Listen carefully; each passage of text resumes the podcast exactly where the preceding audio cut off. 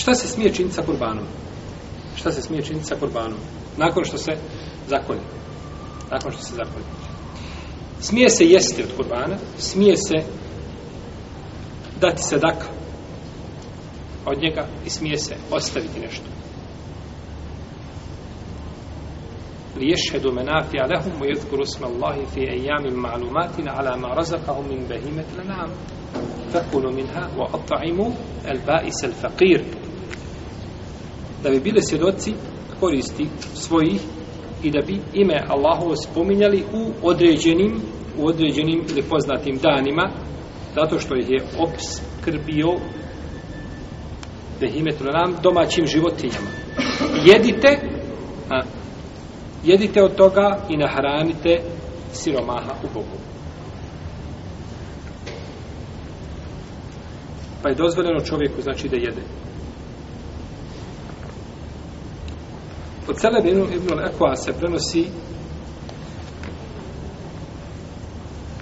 da je rekao, rekao je poslanik sa osaleme ko od vas zakolje kurban neka ništa nakon tri dana ne ostane kod njega. Pa, zaklao si kurban, tri dana, nakon toga dijeliš dugo.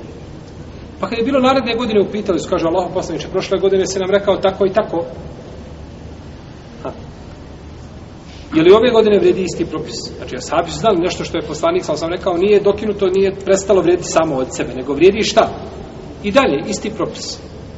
Pa je rekao poslanik, sallallahu alaihi wasallame, jedite i hranite druge i ostavite u skladište, ne, u skladište nešto ostavite, A, magazin.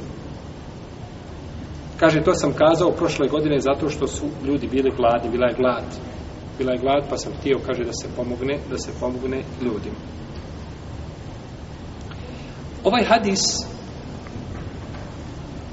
a, znači, ovdje je došlo promjena propisa. Poslanik je sam naredio sa sam to za jednu godinu.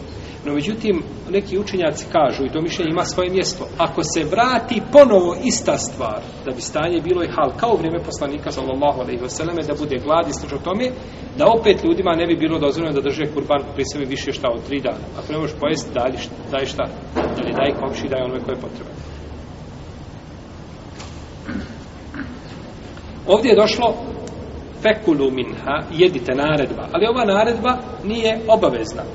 Znači, nije ti vađi strogi farz da jedeš šta od, nego ti je mendu da jedeš, znači, od kurbana, koji je zakon tako je kod džumhura islamskih učenjaka. Pa je dozvoljeno čovjek, znači, da jede i da drugima daje i da nešto ostavi za sebe.